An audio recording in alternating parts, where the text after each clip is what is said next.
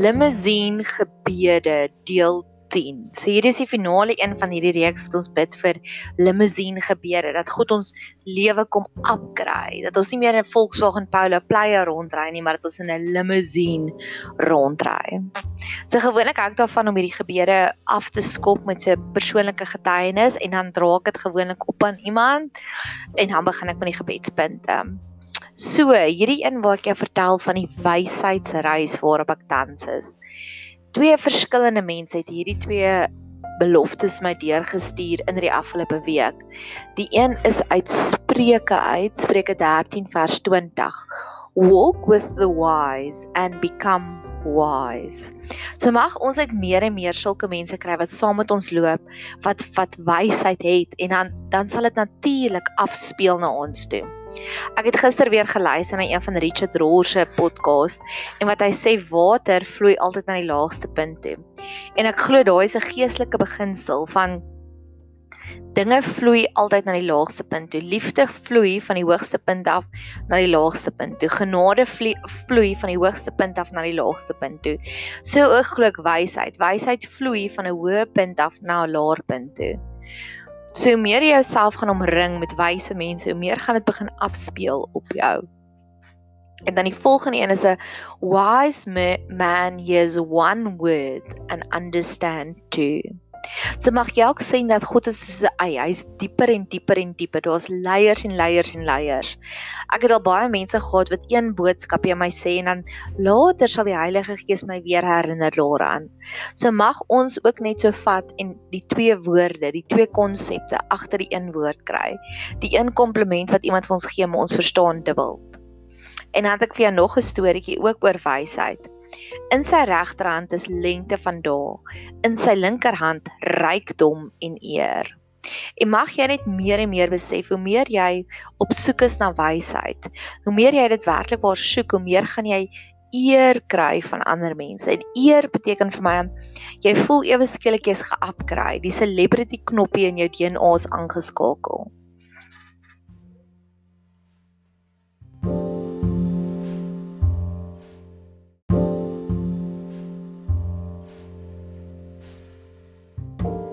Ek het dit hierdie week nogals intens ervaar waar mense net my met meer respek hanteer. En dis nie iets wat ek op en af geskree het nie, maar ek glo hoe meer jy wysheid nasoek, hoe meer jy net na God nasoek, hoe meer sal ander mense rondom jou jou meer met respek en meer met eer begin behandel.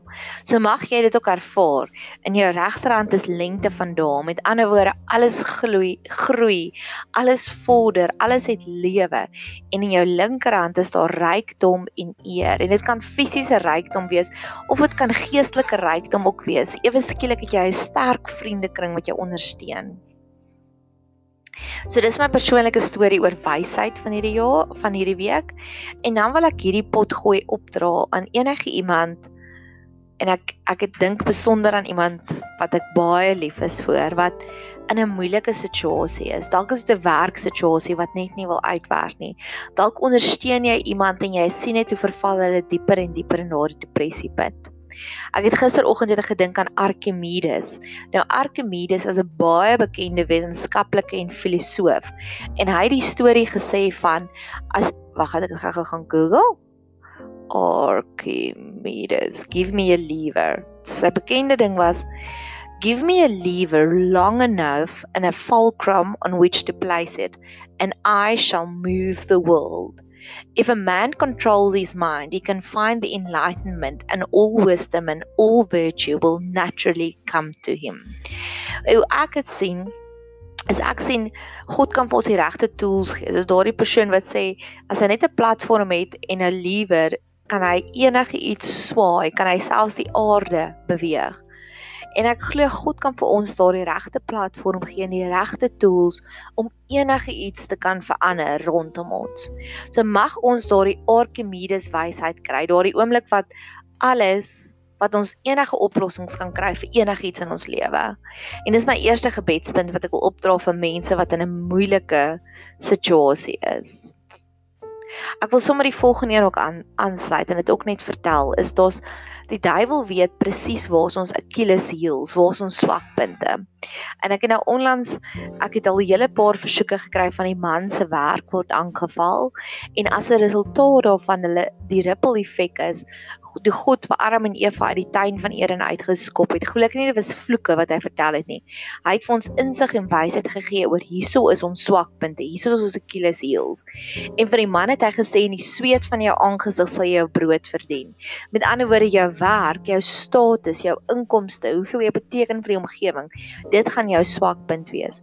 En die vrou, vir die vrou het hy gesê met smart gaan sy geboorte skenk, maar ook jou begeerte gaan wees na jou man.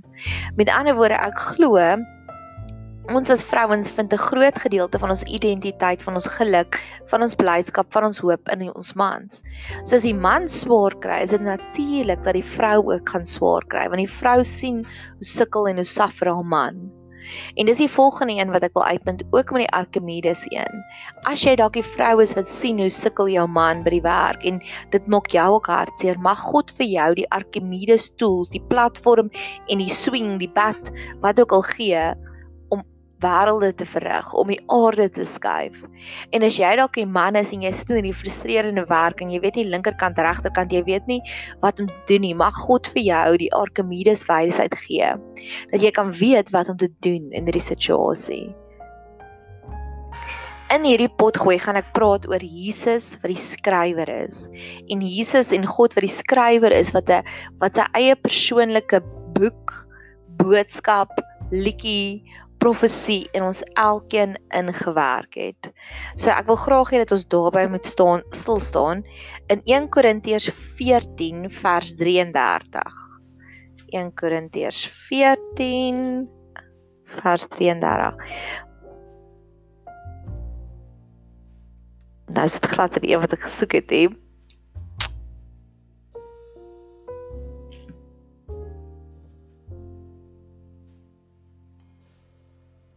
OK, dis glad nie die een wat ek gesoek het nie. Hebreërs 5 vers 9, dis die ander een. Goed, Hebreërs 5 vers 9.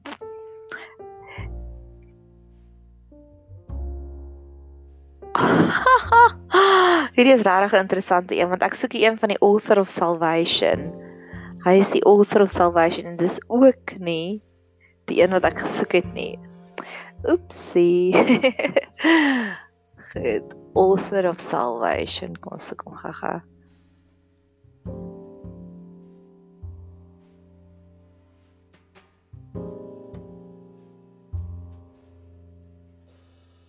Author of salvation ek weet dis iewers in Hebreërs. Hebreërs 2 vers 5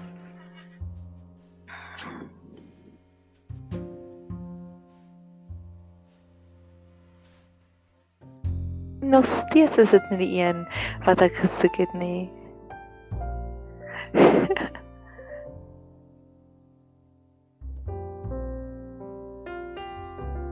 Dit is Hebreërs 5 vers 9 and having made perfect he became Maar kom ons dit nou dieselfde in ons Bybel nie.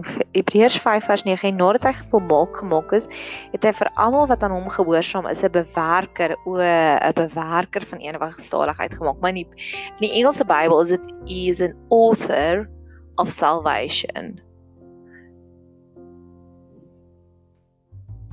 So ek wil graag gesels oor God wat die skrywer is, wat hierdie perfekte boodskap in my en in jou geplant het. En God het ook die 10 gebooie, die eerste 10 gebooie het hy met sy persoonlike hand het hy dit geskryf en hy het dit vir Moses gegee. So ek is 'n skrywer, ek's mal oor om te skryf. Ek skryf gewoonlik lang dankie sê briefies nadat ek 'n goeie kuier gehad het met iemand. Daar's iets hemels, daar's iets geestelik, daar's iets fantasties wat gebeur die oomblik wanneer ons sit om te skryf. Ons kan 'n gewone 'n gewone geleentheid vat en dit omskryf en sê maar dis wat ek gesien het en dis wat ek ervaar het en dis wat dit my laat voel het. En ek gebruik baie kere hierdie vers, ver, verskillende ehm um, twee voorbeelde. Om te sê ek het eendag iemand ontmoet wat die lekkerste lasagne ooit gemaak het en ek het vir haar gevra gee asseblief vir my die resep. En sy het vir my presies gesê hoe maak sy dit? En ek het dit 'n hele paar keer self probeer maak maar nooit het my lasagne so uitgekom soos dit aardig gemaak is nie. En ek het nog 'n vriendin nog met 'n nog 'n resep. Sy het 'n koolslaai resep en dit is 'n baie basiese koolslaai kool, gerasperde wortels en noula mayonnaise. Maar nooit kry ek my koolslaai so lekker soos sy haar koolslaai kry nie. En dit is die boodskap wat ek wil uitdra. Is ek glo net soos wat ons spesifieke dinge het wat ons kan regmaak. Party mense is tuiniere. Ja, jy kan vir hulle een bol um amarella gee en binne 5 jaar het hulle 50 bolle sekere mense is net goed met sekere goed. En net so op 'n dieper geestelike vlak, glo ek ook dat verder ons is elkeen het ons ons eie unieke storie binnekant ons. Ons gaan deur episodes, ons gaan deur moeilikheid, ons gaan deur um tribulations gaan. Maar op die einde van die dag is dit net ons wat daai boodskap kan vat en 'n ander boodskap vir die wêreld kan gee. So met elke liewe situasie wat jy het, mag jy asseblief net pause druk in jou lewe en vir die Here vra, wat wil U hê moet ek hieruit leer?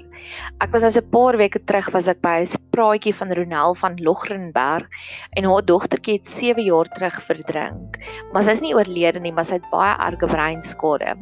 En die goue brokkies, die golden nuggets wat sy uit hierdie episode uitgebring het, kon ek vat en dit gebruik in my eie lewe. Een van die dinge wat sy vertel het, sy sê sy en haar man het besef they don't sweat the small stuff anymore.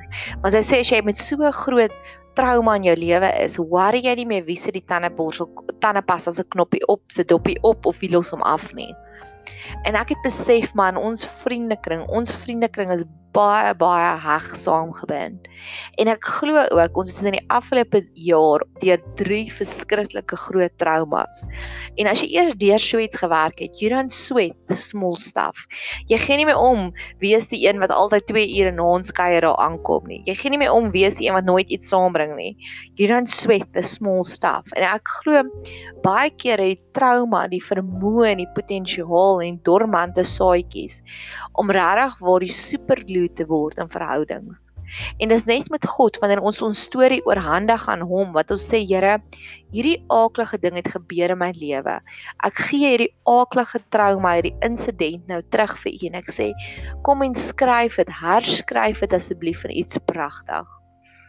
En dis 'n wonderlike geleentheid om dinge te oorhandig aan God om te sê ek weet nie meer wat om daar te doen nie en dan kom hy in en hy begin die skrywer te word daarvan.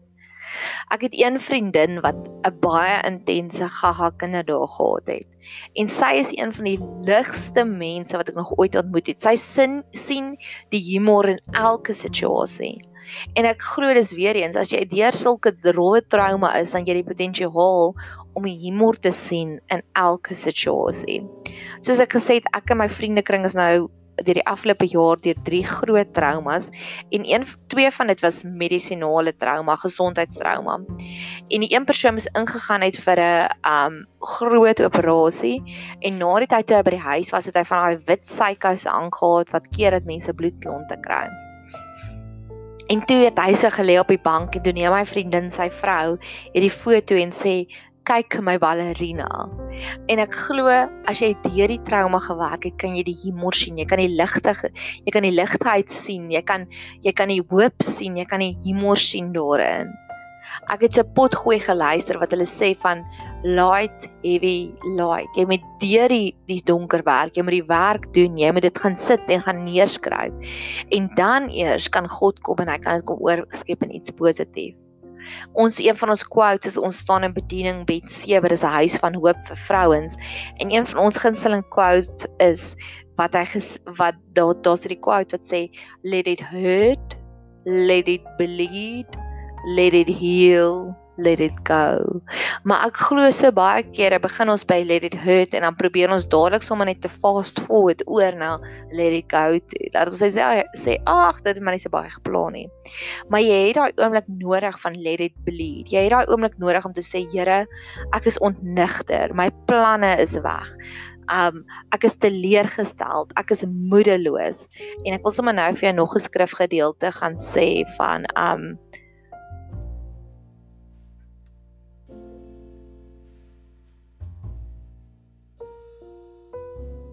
Dis die hoop wat uitgeblaas is, maak die hart siek.